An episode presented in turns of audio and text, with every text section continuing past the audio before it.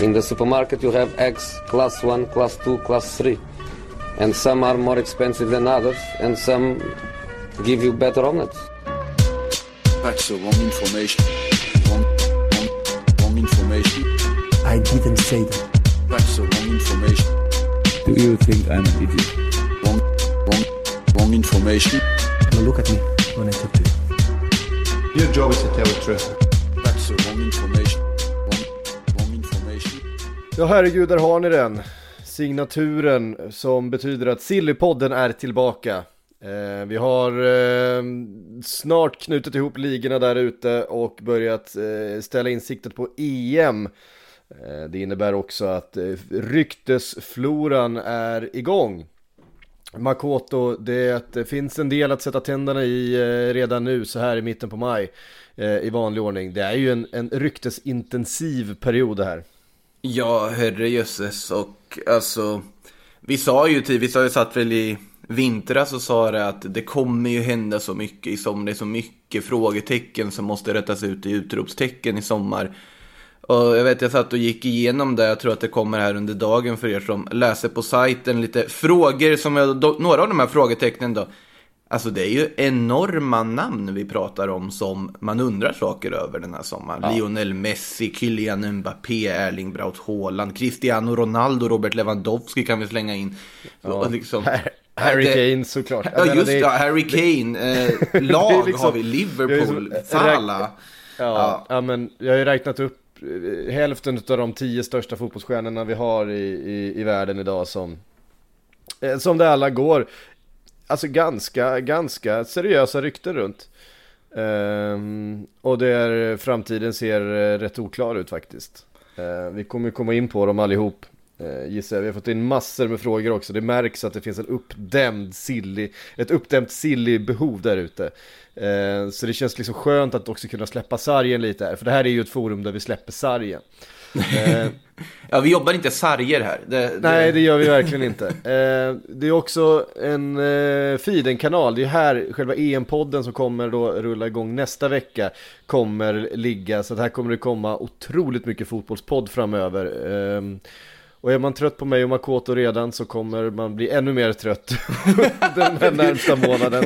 Eh, kan jag... Eh, Eh, kan jag säga. För att eh, ja, vi, vi kommer ses rätt mycket här. Eh, under Sillypoddens feed. Men Jag, jag ser fram emot det. det eh, redan i eh, ja, redan i nästa vecka så kommer det blandas upp med gruppgenomgångar. Vi kommer få rapporter ifrån eh, Sveriges läger och sen kommer det komma mer silly. Och sen så rullar ju EM igång och då kommer det bli, ja det kommer bli hur mycket som helst. Det är bara, det är bara att hålla i sig och hänga med. Ja, det, det blir mycket. Men idag är det Silly som gäller eh, och eh, jag skickade ut på Twitter här innan för att be om lite frågor och det är ju Harry Kane som på något sätt toppar folks eh, medvetande just nu och det är att han själv verkar ju vilja lämna. Ja, alltså det är ju väldigt tydliga uppgifter, eller trovärdiga uppgifter som dykt upp på att Harry Kane nu vill lämna. Det har ju legat och puttrat hela våren egentligen. Det här med att Kane ser sig om efter nya utmaningar som man så fint brukar säga. Och det, det verkar han ju onekligen göra.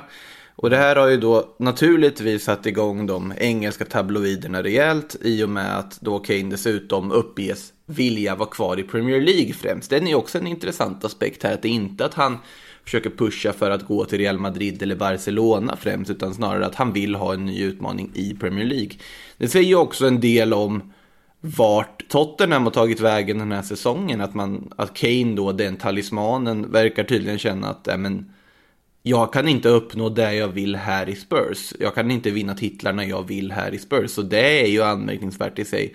Sen är ju frågan, ja, vilka klubbar skulle vara intresserade då? United och Chelsea är klubbar som dykt upp väldigt tidigt här också. City naturligtvis har det också pratats om. United har det pratats om i princip hela tiden. Men spontant där känner jag att United har ju andra behov. Som de snarare kommer att titta på. Alltså, nu förlängde man ju med Edinson Cavani dessutom som ju varit en supersuccé måste man säga. Det är, väl den, det är väl den starkaste indikationen på att det inte kommer värvas en Harry Kane. Ja, Eh, alltså det, det finns ju dessutom så forwards där bakom i, i, i Rashford och Greenwood och så vidare. Eh, som Martial om han blir kvar.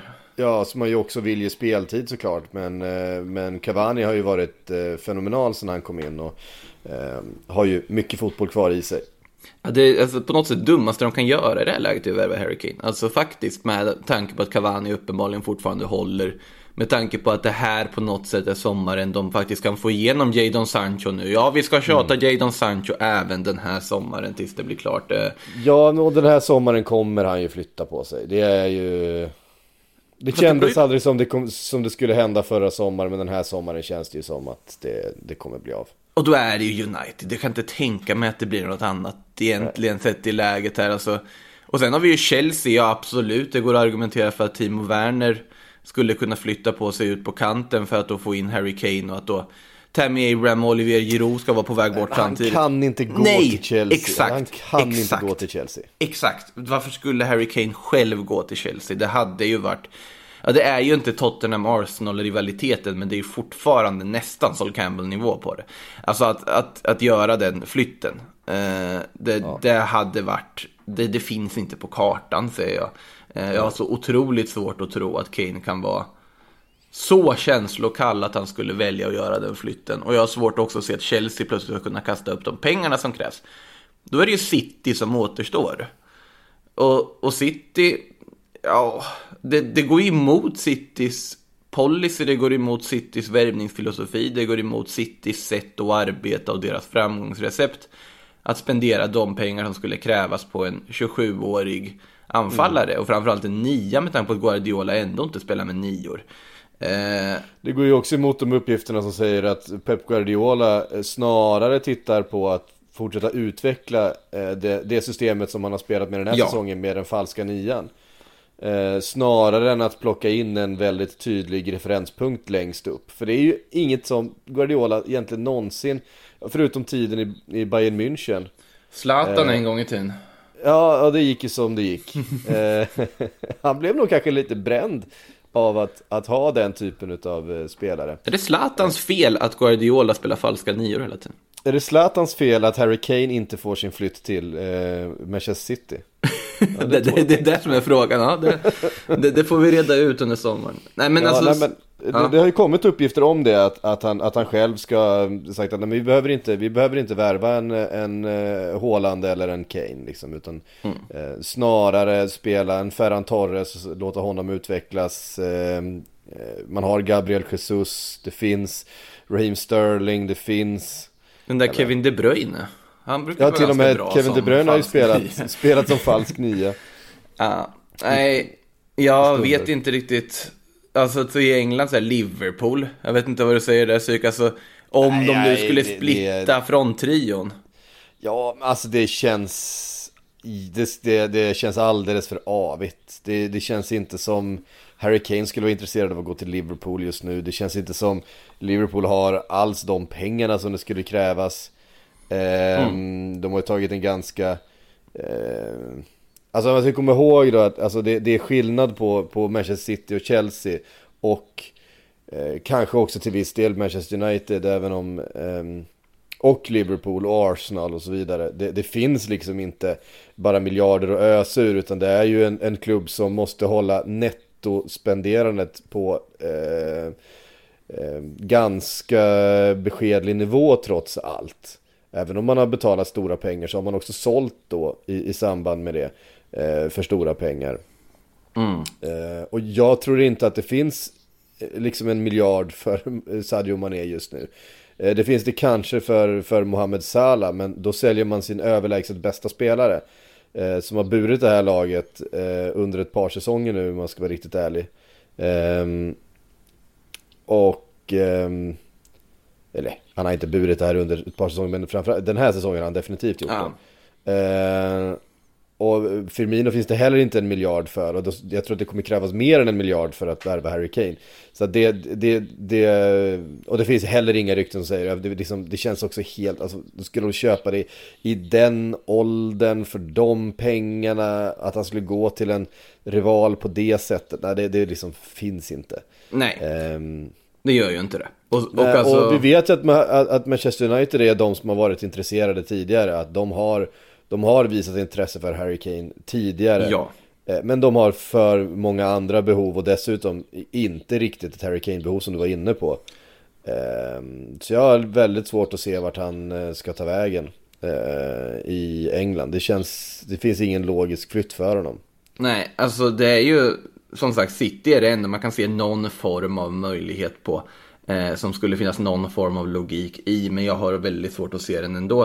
Eh, vi nämner inte Arsenal, det kanske ni förstår varför.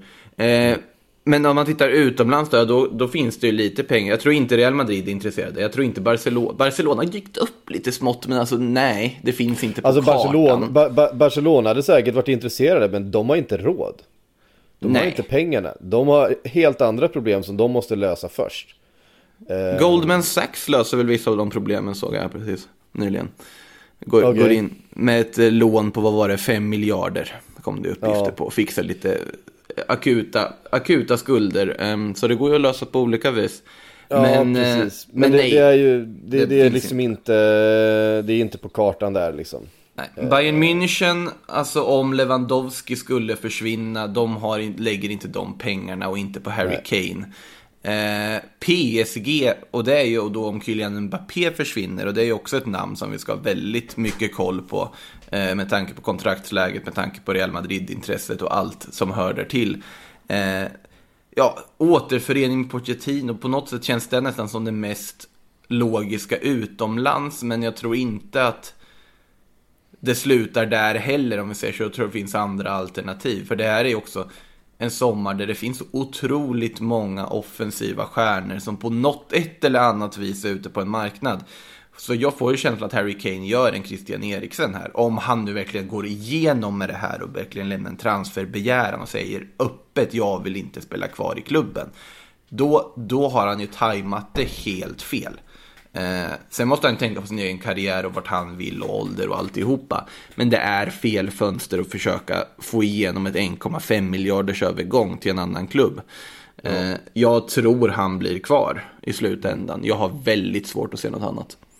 Ja, nej, alltså det här är ju ett jävligt konstigt fönster överlag. Vi ska vara medvetna om det. Att, att eh, precis som förra sommaren så finns eh, Eh, ganska goda indikationer på att, att vi är i ungefär samma situation fortfarande. Klubbarna har blivit ekonomiskt väldigt stukade av eh, eh, av pandemin. Eh, det finns fortfarande oklarheter. Vi vet inte riktigt hur, hur publiksituationen, även om den eh, kommer börja, liksom, det börjar lättas, folk vaccineras och så vidare. Det finns, det finns fortfarande osäkerhet. Och, eh, i det att man då också befinner sig i en, eh, i en uppförsbacke som man har, det kommer dröja ett par säsonger innan man är ur. Ehm, vi, vi ser ju att några av fotbollens stora liksom, ekonomiska ehm, motorer, alltså de spanska storklubbarna, ehm, Juventus, Manchester United och så vidare. De som har spenderat otroliga pengar och ofta liksom varit de som har satt igång stora karuseller, satt igång eh, sådär. Eh, de har inte möjlighet att göra det. PSG skulle absolut ha möjlighet att göra det men eh, jag är inte helt säker på att de, de känner att det är riktigt läge heller på sån här osäker marknad. Chelsea var ju de som agerade förra sommaren. Eh, och tog liksom det Eh, tillvara på, på att så många andra, att det liksom var låg konkurrens om, eh, om talangen där ute när de eh, signade då Havertz och Werner och, och alla de andra.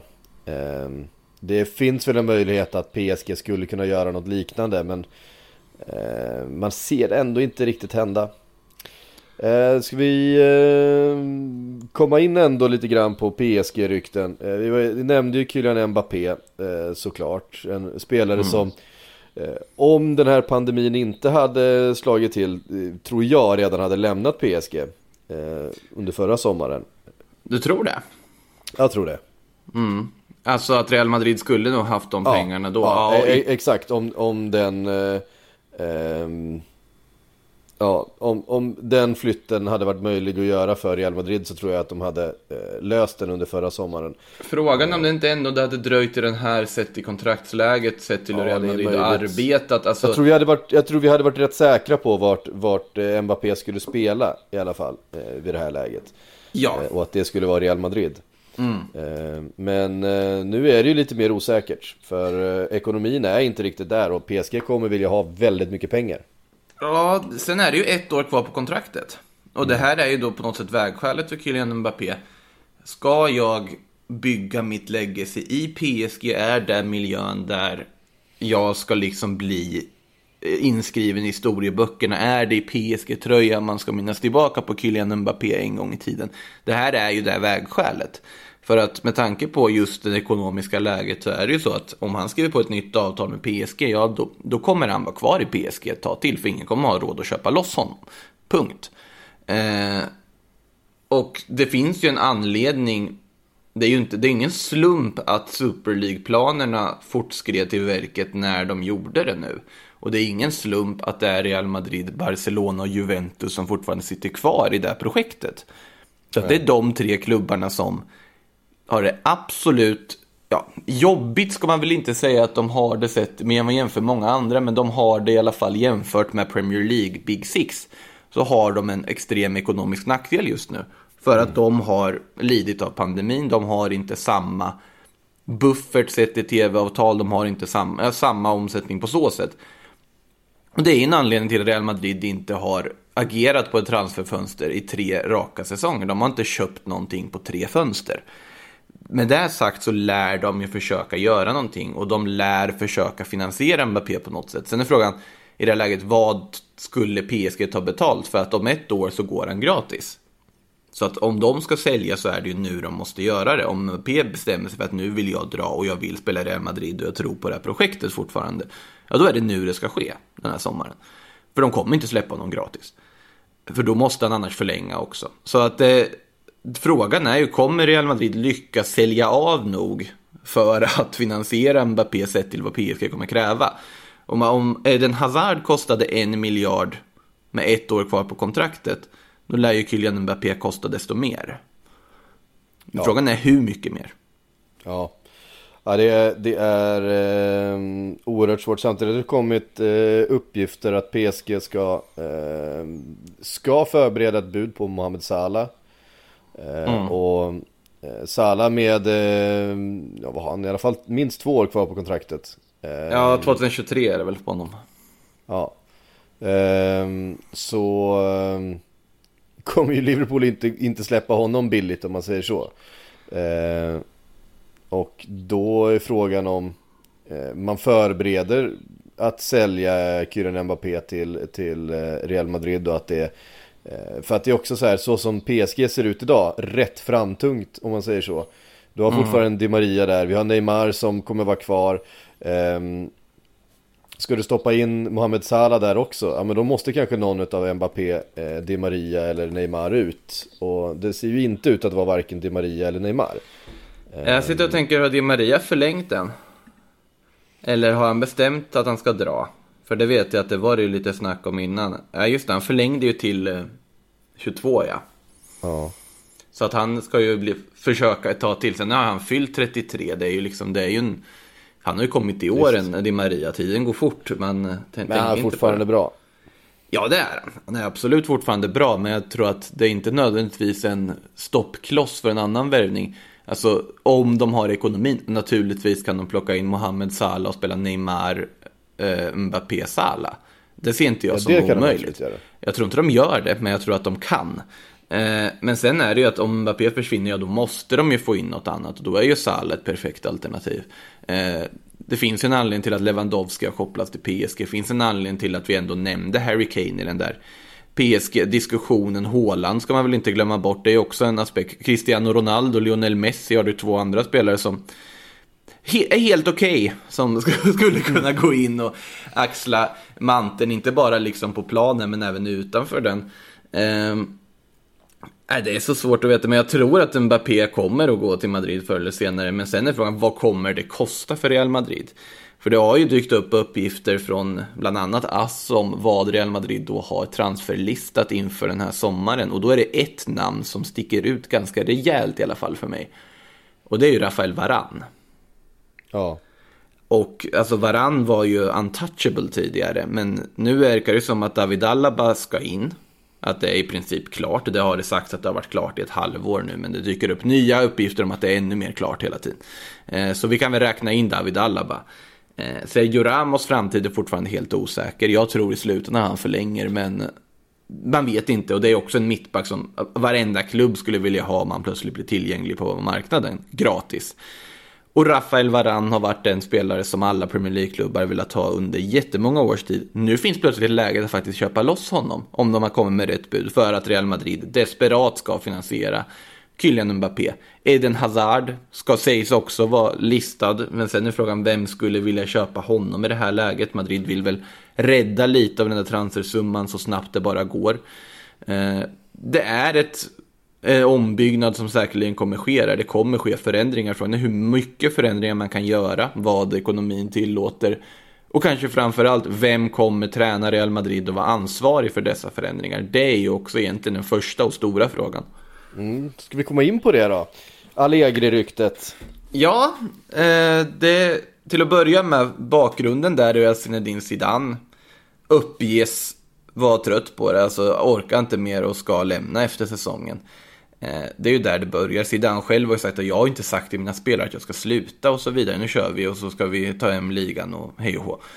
Eh, men jag tror ju att han, han faktiskt kommer lämna. Nu verkar ju allt tyda på, om inte Real Valladolid gör någonting helt osannolikt på lördag så blir det en titellös säsong för Real Madrid. De har det inte i egna händer, Atletico Madrid som i och för sig är kända för att kunna bottla saker i sista sekund skulle ju kunna göra det där också. Men jag tror inte de gör det, de borde ta hem den titeln. Eh, och då är frågan vem ska ersätta? Och då är det ju framförallt två namn som dykt upp. Det ena, självfallet, ett namn som har dykt upp väldigt ofta som kommer att träna Real Madrid förr eller senare och det är ju Raúl. Eh, ikonen som då tränar B-laget just nu. Mm. Men jag har svårt att se att man ser Raúl som redo än. För att det finns ju en Pirlo-varning. Så är det. Det finns en varning med att han inte är riktigt redo. Han har ju tränat ett tag. Han har ju en helt annan erfarenhet än Andrea Pirlo. För det är ju en säsong och inte tio dagar vi pratar. Och dessutom har han ju tränat eh, yngre lag innan då han tog över B-laget. Han har ju ändå formats i klubben för att ta det här steget. Sen tror jag att Raúl kommer att göra en mellanlandning i typ Tyskland eller något på vägen innan han tar huvudansvaret. Det är känslan jag har i alla fall för att då få ännu mer erfarenhet. För om du ska ta in Raúl på den posten, då kastar du inte in Raúl. Raúl är inte Santiago Solari som du kan offra till vargarna för att du måste fylla en position. Raúl måste få komma in på rätt tidpunkt för honom, rätt tidpunkt för Real Madrid. För det, det är en för viktig pjäs för att bara kasta in som en nödlösning. Eh, mm. Eh, och då finns ju Allegri. Han sitter ju där och har varit, gjort sig svår med i Premier League-förhandlingar och eh, inte fått något jobb och det sägs ju då att han sitter och väntar in Real Madrid, att han har haft kontakt med Florentino Perez. Och det känns väl jättelogiskt egentligen. Att alltså Real Madrid har haft med eh, minnet av Ancelotti i åtanke så har man ju haft god erfarenhet av italienskt ledarskap. Det är en klubb där Allegris fotboll skulle kunna passa där han med sin vinnarmentalitet och det CV han har, han skulle kunna göra ganska mycket bra. Eh, det låter lite intressant tycker jag att få in honom på den posten om nu Zidane lämnar. Men då är ju frågan, vill Kylian Mbappé spela under Allegri? För där har ju Zidane också varit en väldigt viktig grundbult. Eh, så att det är ju många frågor, för Allegri kommer ju vilja sitta sin prägel på laget och det kan ju innebära precis vad som helst. Eh, så nej, det, otroligt många frågetecken och det lär ju säkert dyka upp någon spelare man absolut inte tror skulle dyka upp i slutändan i samband med det här. Och tvärtom, någon spelare man absolut inte tror ska lämna som kanske också lämnar. Precis, och det, eh, ah, det, är, eh, det är väldigt mycket som kommer hänga på det. Ja. Eh, såklart. Eh, vi var inne på Mbappé, du är inne på Varann, du, du, du, nämnde det ju här att det, det är väldigt mycket som kommer att hänga på vem som ska träna laget såklart. Mm. Eh, och Ehm, ja, Vilka ska starta som mittbackar? Nu har ju Eder Militao varit strålande under säsongen när alla har varit skadade här på våren. Är han tänkt att starta bredvid Alaba? Ska både Ramos och Varann bort? Det, det känns ju som en dumt att misslyckas om det är så långt man går. Det, det enda som på något sätt har fått klarhet i det känns väl som att Marcello har gjort sitt. Och att den unge Miguel Gutierrez kommer få tillhöra A-laget nu på heltid och bli backup då till eh, Ferland Mendy som vänsterback. Men eh, i övrigt så, ja, mittfältstrion. Vad händer med alla utlånade spelare? Ska man fortsätta med de här unga brassarna där framme med Vinicius och Rodrigo och så vidare? Eller Sen, sen är det ju också en annan sak med Mbappé som jag tänkte på att nu är Karim Benzema åter en fransk landslagsspelare. Och då var det ju väldigt intressant att se att just Mbappé la ut en photoshoppad bild på honom och Benzema i landslagströja om att nu kör vi, i princip så. Och han har aldrig spelat med Benzema förut. Eh, jag tror att Benzema kommer ha en ganska viktig del under den här samlingen i huruvida Mbappé hamnar i Real Madrid eller inte just den här sommaren också. Det, det tror jag utan tvekan ja alltså verkligen. Det är ju spännande det är det man kan säga liksom. att, att, att, att Benzema är tillbaka. Det är ju ett, ett fruktansvärt, ett fruktansvärt lag de ställer upp Frankrike just nu. Ja, det, ja vad blir det? det? Gissningsvis Benzema på topp, Mbappé, Griezmann och sen Coman eller Osman Dembélé. Det är en helt okej offensiv kvartett och sen Pogba Kanté bakom duger ju. Och sen den backlinjen, den är ju helt omöjlig att slå sig in i i princip så att eh, de, de är ju skyhöga favoriter inför EM. Så är det ju med den truppen. Nu när man får in Benzema, men det hade ju varit otroligt Deschamps att ta ut Benzema och sen bara, men han kom ju ut som 26 spelare för att liksom bredda truppen. Sitta i bänken och titta på. Det, det hade inte förvånat mig, men eh, det, vi får hoppas att vi får se Benzema i, på planen, för det, det ska han ju vara med tanke på hur otroligt bra han har varit de sista åren. Ja men herregud alltså, eh, det är ju Giroud som har stått där uppe de senaste och då har ju Frankrike varit eh, enormt bra och vunnit massor liksom. Ja, Eh, alltså stoppa in Benzema där istället som kan allt det Giroud kan och lite till. Ehm, ja, till och med ganska mycket till. Eh, så, ehm, Nej, det, det, det är ju dumt att misslyckas för att det känns så bra på förhand. Ja alltså det, det, ser, det ser fruktansvärt ut. Ja. Ehm, ja det finns ju inte, det finns ju, det det är ju världsspelare överallt. Ehm, Nej, helt, helt okej trupp. Helt okej trupp. Eh, ska vi se, ska vi gå vidare? Jo, vi fick en, eh, vi har fått en massa frågor också. Ska vi in på något av det andra? Ska vi nämna Ronaldo kanske och situationen i Juventus före vi eh, kastar oss in på frågor? Det kan vi väl göra. Där är det ju också så här att... De vill ju gärna bli av med honom. För att Ja, han ja har jättehög lön. Ja, men det känns väl så. Alltså för att Ronaldos... Nu är det inte att Cristiano Ronaldo har underpresterat som spelare. Han har gjort sina mål och fortfarande varit bra. Problemet är att Juventus satte sig själva i en sits där resten av truppbygget har blivit lidande av det. För truppen de har, och det har jag sagt förut, den är inte värdig Juventus som klubb. Den är inte värdig Juventus som sett till de ambitionerna Juventus ska ha och förväntningarna vi ska kunna ha på Juventus. Och den här säsongen när man med anställandet av Pirlo, med det här fönster man gör, på något sätt verkar liksom vilja bli av med ligatiteln. Det är så det nästan känns. Så håller de ju på att bli av med desto mer. Det finns ju en stor risk att de missar Champions League-plats.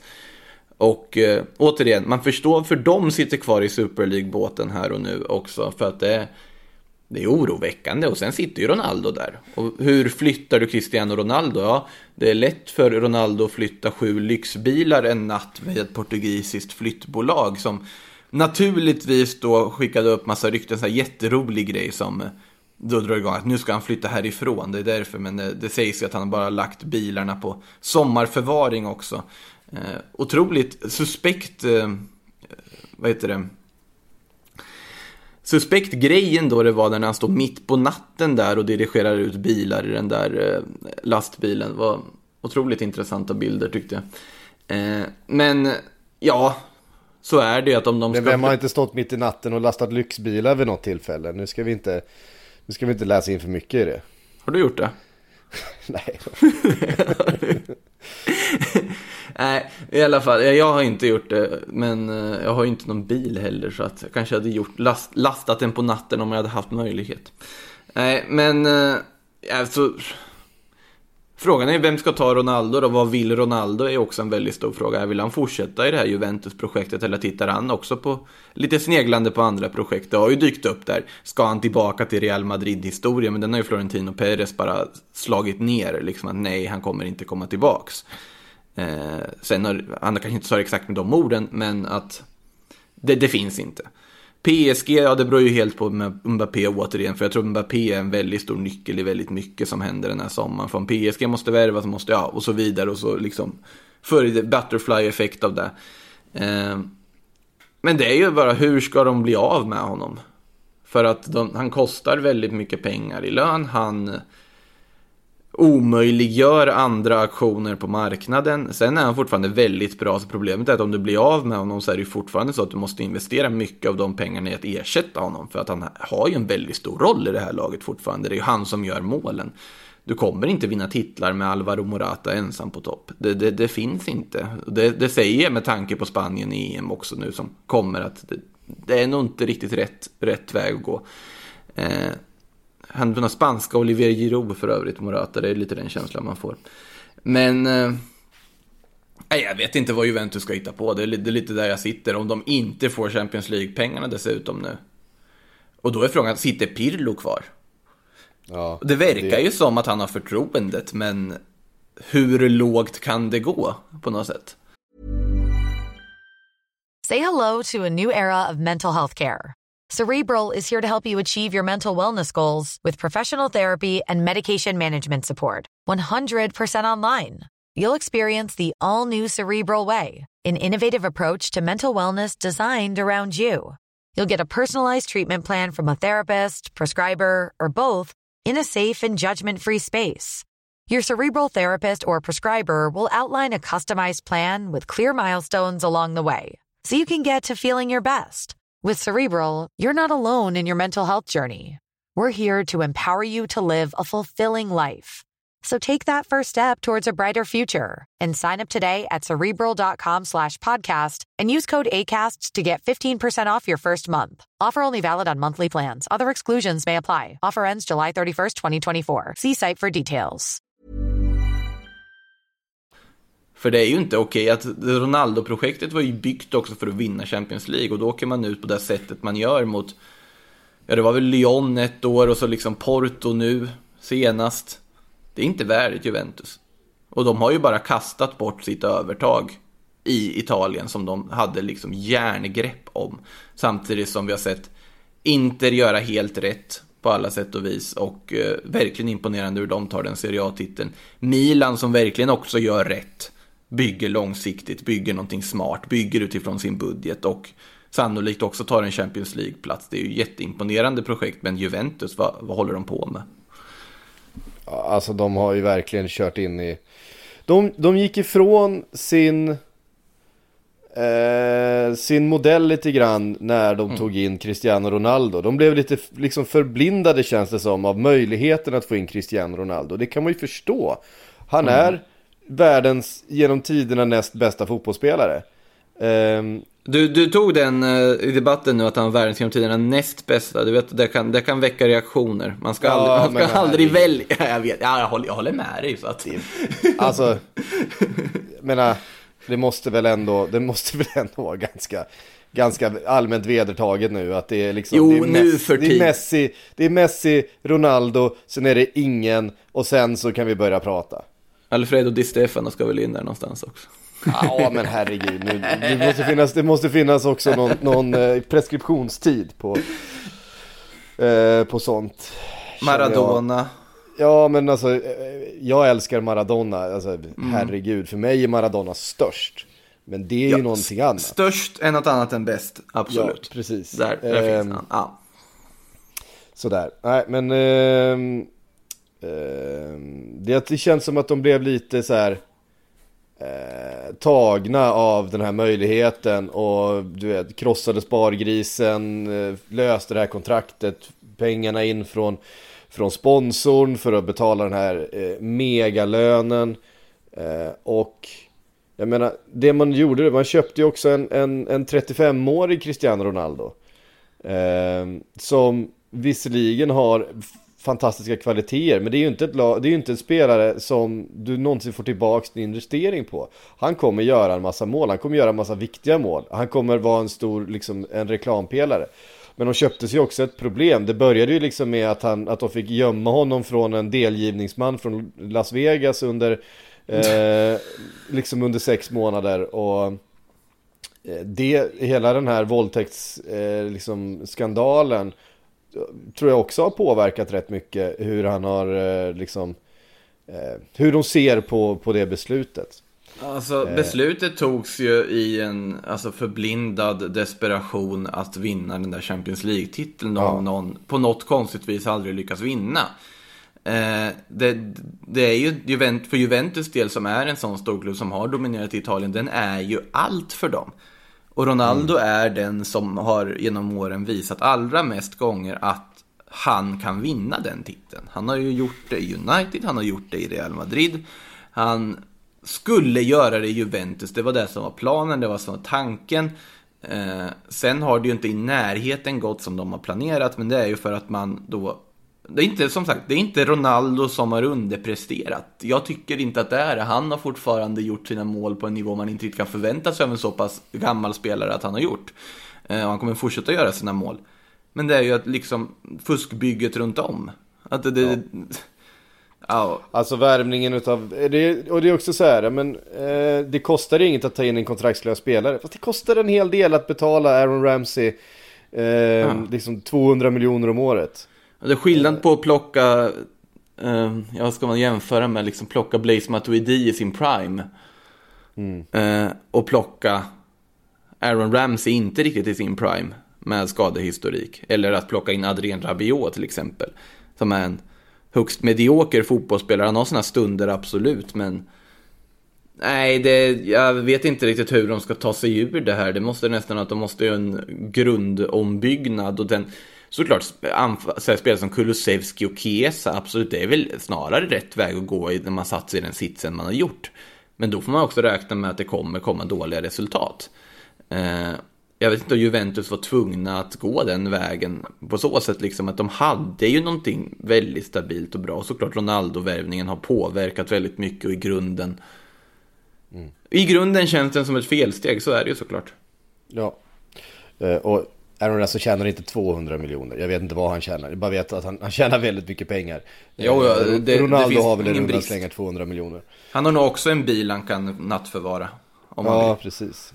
Ehm, folk brukar bli så upprörda över när jag slänger ur med siffror. Ofta, ofta är det hyperboler eh, för att bara liksom göra en markering runt att något är mycket. För Ronaldo var Eh. 33 också ska sägas när han gick över. Men han har hunnit bli 35 om vi ska... Ja, ja ål- åldrar har vi redan gett upp på. Sen länge. Ja.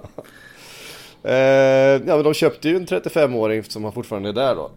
Till slut blev han 35. Eh, så, så, så, så, så rätt hade jag ändå. ja, det hade du.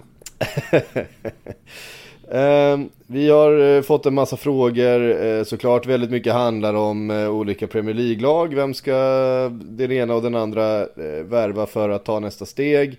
Eh, det kommer vi komma in på en massa under sommaren här, vi är rätt säkra på. Men här är en som jag tycker är rolig som vi har fått från Andreas Pettersson. Eh, Som jag också funderat lite grann på. Eh, han skriver så här. Vem eller vilka riskerar att bli årets mästerskapsvärvningar? Det vill säga att de sprattlar till Ah. under EM, köps dyrt och sen floppar. Bra jag fråga. Har, jag har en spaning på den. Ja, Ehm, som... ehm, ehm, och det, det är inte då, det här kommer då inte köpas dyrt för att det är en spelare med utgående kontrakt. Och det är faktiskt Wijnaldum i Liverpool. Eh, och det är av två anledningar. Dels så har han ju liksom en, man har ju en, en, liksom, en, ett solitt CV då, alla vet ju vad Wijnaldum är för spelare. Men han spelar ju då i Holland där han är, liksom är, eh, han är på något sätt alltid bättre i Holland än vad han är i Liverpool. Han är ju liksom deras bästa spelare i de flesta matcher. Gör oerhört mycket mål för landslaget bland annat. Och har en mer en offensiv roll eh, i det laget än vad han har i, i klubblaget. Eh, Holland har också, eller Nederländerna, förlåt, eh, har också en väldigt enkel grupp. Alltså de spelar i en ganska svag grupp. Eh, vilket kommer passa dem. Ehm, eh, nu saknar de ju såklart eh, van Dijk och så vidare i försvaret. Men de har ändå ett, ett starkt lag. Det har väl gått lite upp och ner under, under eh, matcherna här eh, inför. Men, ehm, men jag tror att eh, just, just Holland kommer gå eh, bra i den gruppen som de, som de har. Jag tror att Wijnaldum kommer vara väldigt framträdande, kommer göra mycket mål och han står där med ett, eh, ett kontrakt som går ut i sommar. Vilket jag tror kommer passa det här eh, fönstret, att det kan bli liksom en budgivning. Gör han ett bra mästerskap här så kan det bli liksom lite orimlig budgivning på just Wijnaldum som det annars inte hade varit. Ja, men det, det kan nog ligga något i det. Sen är det också intressant att mästerskapet tar inte slut förrän liksom kontraktet går ut. Nej, att frågan precis. är hur, i det här läget, hur mycket vågar en spelare sitta och vänta och just bli kontraktslös och utan att ha någonting säkrat? Det är också en aspekt för att man vet ju inte vad som händer och de, de, måste, ju få, de måste ju ha tak över huvudet och mat på bordet. Eh, och där tror jag att vi kommer också få intressant, intressanta situationer under det här mästerskapet med spelare som har utgående kontrakt. Att, ja, de kan ju sitta och vara arbetslösa i sina landslag under en period. Ifall Ja. de inte levererar. Och det kan ju bli ett sånt läge för Wijnaldum också. Eh, Ja men det är just det, de har då de har Österrike, Nordmakedonien och Ukraina i sin grupp C. Ehm, de har ett bra det- lag också. Alltså bara rakt över. Om man tittar på liksom... Ja men de har ju ett helt, ett helt okej lag. Det är, inte det, det är såklart inte det bästa Holland vi någonsin har sett. Ehm, och att eh, van Dijk nu tackade nej till EM är ju eh, såklart ett enormt avbräck för dem. Eh, Men det var väl ingen som på riktigt trodde att van Dijk skulle kliva in där och, och se ut som sig själv ändå. Eh, efter att liksom ha kört rehab sen i oktober. Alltså, om man tittar på Nederländerna så spelare jag kan tänka mig kommer bara plötsligt dyka upp som andra klubbar inte haft koll på tidigare. Det är ju spelare som typ Owen Wijndal och Denzel Dumfries. Alltså, habila ytterbackar, bra ålder som spelar i nederländska ligan som kanske inte alla följer jättehårt. De kommer ju säkert få ganska mycket speltid i ett sånt här mästerskap. Och om de ser bra ut, gör lite assist och ser lite snabba ut där på kanterna, då kan det dyka upp någon, några sedelbuntar från Premier League eller Serie A eller La Liga där till, till Eredivisie-lagen efter. Det finns ju Ja alltid precis, den men du har ju också spelare som säger Steven Berghuis. Alltså jag kan inte uttala ja. de holländska namnen. Bergi, ja, mm. Ja, som ju är liksom en, en 3 plus, en 3 plus eh, liksom eh, forward. Sådär. Men han, han har gjort 20 mål i, i holländska ligan den här säsongen. Ehm, eller han har gjort 20 mål för Feyenoord i alla fall. Eh, har spelat en hel del i, i landslaget. Han är liksom i sin prime nu. Eh, nu har jag googlat honom här så jag vet att han är 29 år gammal. Eh, det är inte alls omöjligt att han får spela. Det är inte alls omöjligt att en sån gubbe liksom stoppar in några bollar i ett gruppspel. Eh, och, och plötsligt så är man, med tanke på motståndet som de har i gruppen, med, plötsligt är man uppe och, och slåss i liksom en skytteliga, du vet, tabell för mästerskapet. Och sånt brukar ju ge liksom, det kan ju räcka med, jag menar stoppar man in fyra mål i ett gruppspel så kan du liksom vinna skytteligan i ett mästerskap på det. Ja, alltså, jag undrar vad som hände under de där 222 minuterna han gjorde i Watford. Alltså, nej, men, nej, men för att han, han var i AZ och gjorde det bra, så hamnade han i Watford. Det var, det var 222 minuter, nio framträdanden under säsongen där. Och sen tillbaka till Feyenoord, där han alltså nu, under, från då två, sex, säsongen 16-17 har gjort 7, 18, 12, 15, 18 mål. Det är ju en jättebra spelare. Det är ingen 3 plus-spelare. Om man liksom levererar den nivån av mål, målkvot i Eredivisie liksom så många år, som ytter dessutom. Ja. Eh, han, han kanske inte vill utomlands. Det är liksom men det, det, det, det är det jag menar, det är ju en sån gubbe, han har CV, han har allting, han är i rätt ålder. Eh, och sen så kliver, vad vet jag, Everton in och betalar. Everton hamnar alltid där, förr eller senare. Det är ju Everton man, man, man eh, plockar upp, eller eh, ja, ta vilket lag som helst. Eh, Ja. Som, som eh, köper honom på, på den här mästerskapsmeriten och sen så visar det sig att ja, han hade inte kanske det kvar i sig. Eh, Nej. Ja, men en, en, en shout-out till att vi hittar den spelaren i Holland i alla fall. Med tanke på att de har en lätt grupp som de kommer eh, förmodligen vinna sina tre matcher och, och kanske stoppa in ganska mycket mål. Finland gör supersuccé mot alla odds och sen går Glenn Kamara för 200 miljoner från Rangers. Ja men de har för svår grupp alltså. ja, alltså de borde ju inte lyckas. Men alltså, Jag tror varit Danmark är svåra där alltså. Danmark skulle kunna, skulle kunna ha en sån gubbe.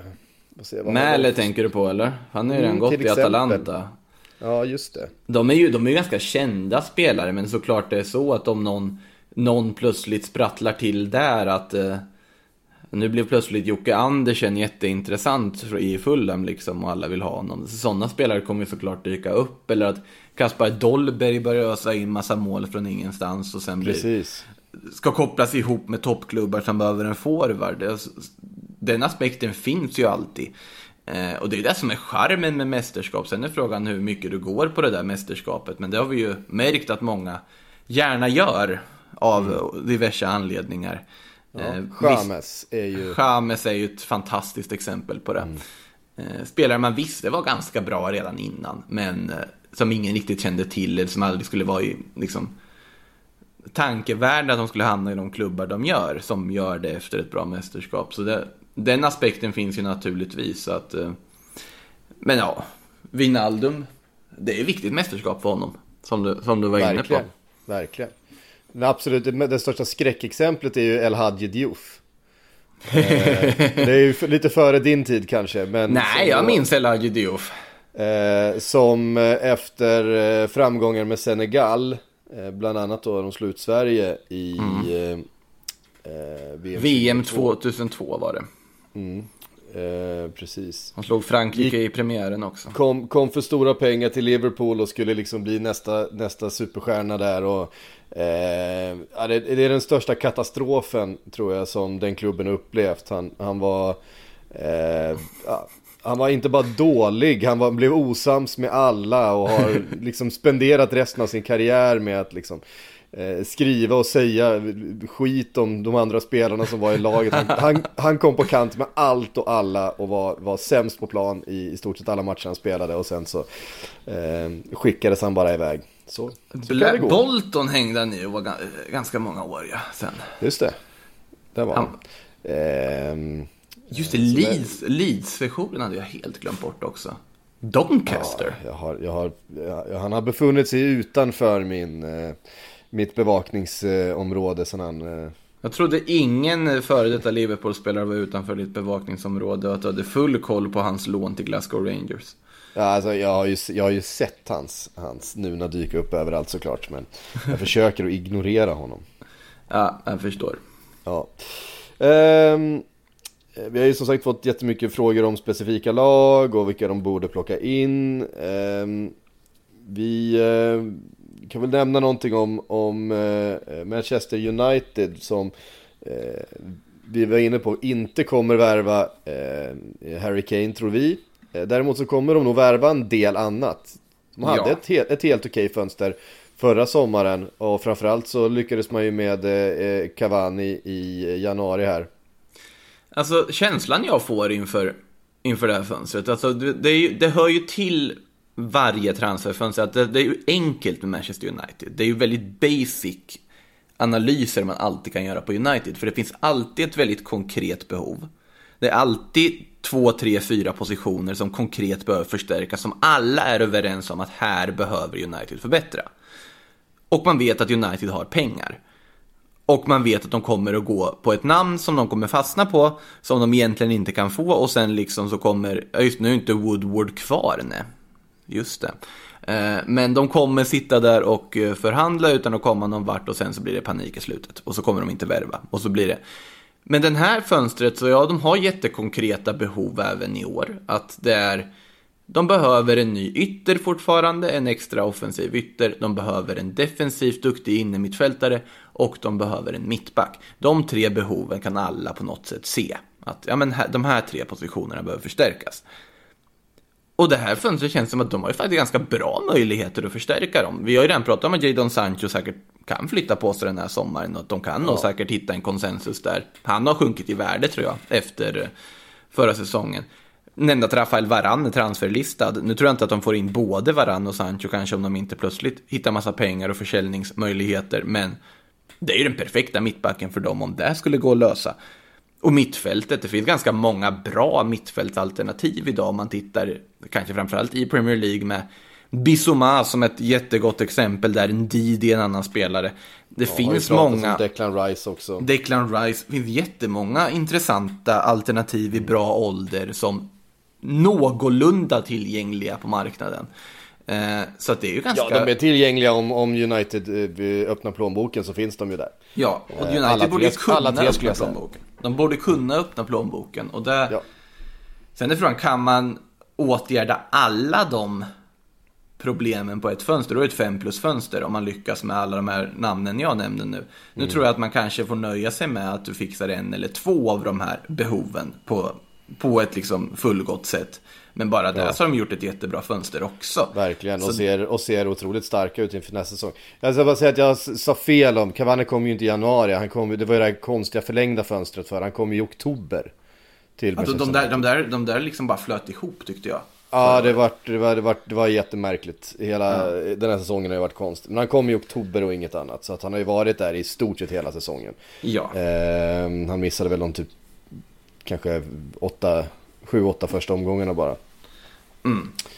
Ehm, men, och han har ju förlängt så att där kommer det inte hända någonting. Nej, men det, ehm, jag ser det inte som om- omöjligt att United faktiskt löser alla de här tre, tre pusselbitarna och plötsligt ser ut som ett lag. Jag tycker fortfarande det är en bit upp till Manchester City. Jag tycker det är det för alla för att de har liksom hamnat så, så rätt igen.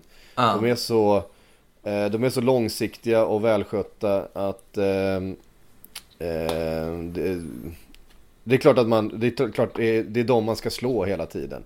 Eh, och De hade ett mellanår förra året när de halkade långt efter Liverpool. Men det kändes mest som det var ett mellanår för Manchester City.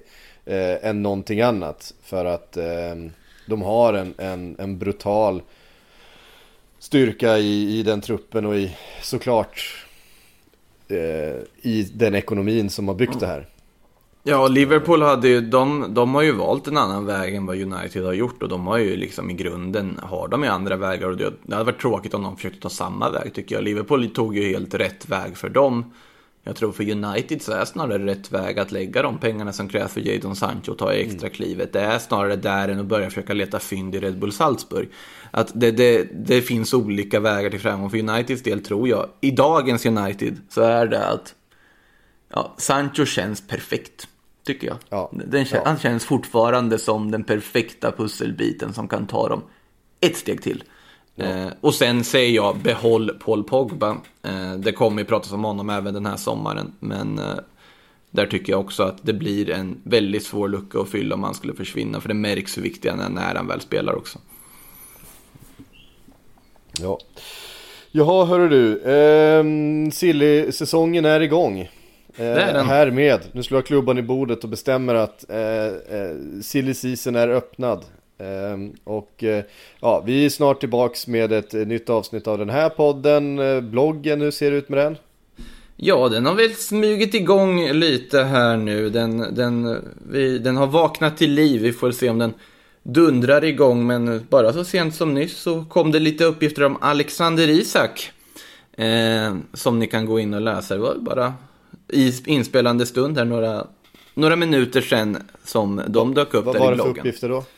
om att eh, enligt då baskiska medier, Diario Vasco, så vill klubben då, eller Real Sociedad vill erbjuda Isak ett nytt kontrakt. Ett förbättrat sådant.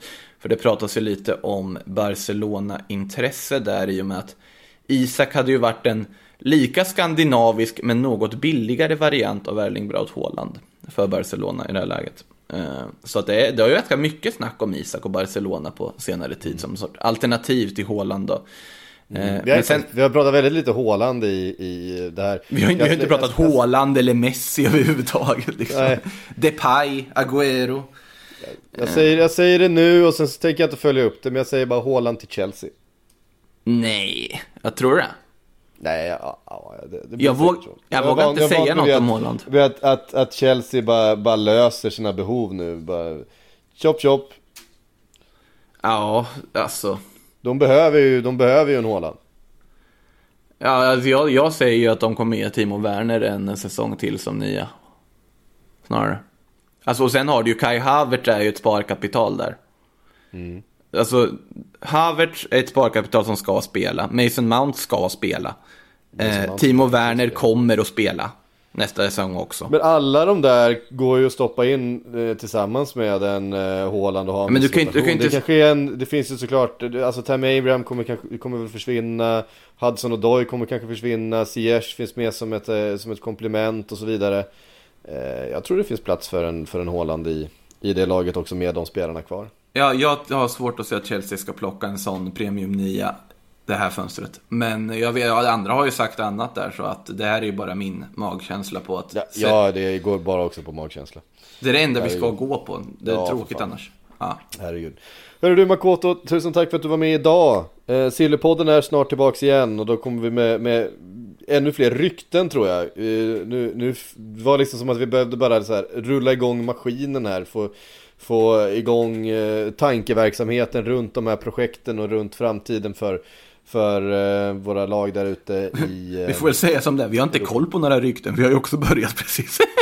det är Ja, därför vi rullar alltså, igång det. måste, det måste på något sätt, det är som att hela maskinen nu ska liksom så här puttra igång. Det var som jag skulle starta gräsklippan häromdagen liksom. Den bara, ah, jävlar vad seg den var i början och den, den, den, eh, den small och den puttrade och den, den krånglade. Men så till slut så, så rullade den igång och då blev gräset klippt till slut. Har, Och har du en sån ungefär- du sitter på en stol och kör gräsklipparen och sen står... Verkligen inte. I och för sig, du har väl Det finns ungefär inte så bara... mycket gräsmatta kvar. Nej, jag tänkte precis säga det. Du har bara typ 2-3 kvadratmeter kvar att jobba med. Så det kanske räcker med sån här icke-el rullgräsklippare liksom. Ja, nej, och det är också så här, det är, det är altaner emellan så man måste lyfta och bära den här gräsklippan fram och, och klippa de här lite olika plättarna som är kvar då runt omkring. Ehm, så att det hade inte varit något bra. Ehm, Nej, du får bygga altan på resten också. Ja, ja, ja, det kanske blir så. Eh, hörru du, tusen tack för att du var med idag. Tack alla ni som har lyssnat och skrivit frågor. Sillypodden är snart tillbaks igen.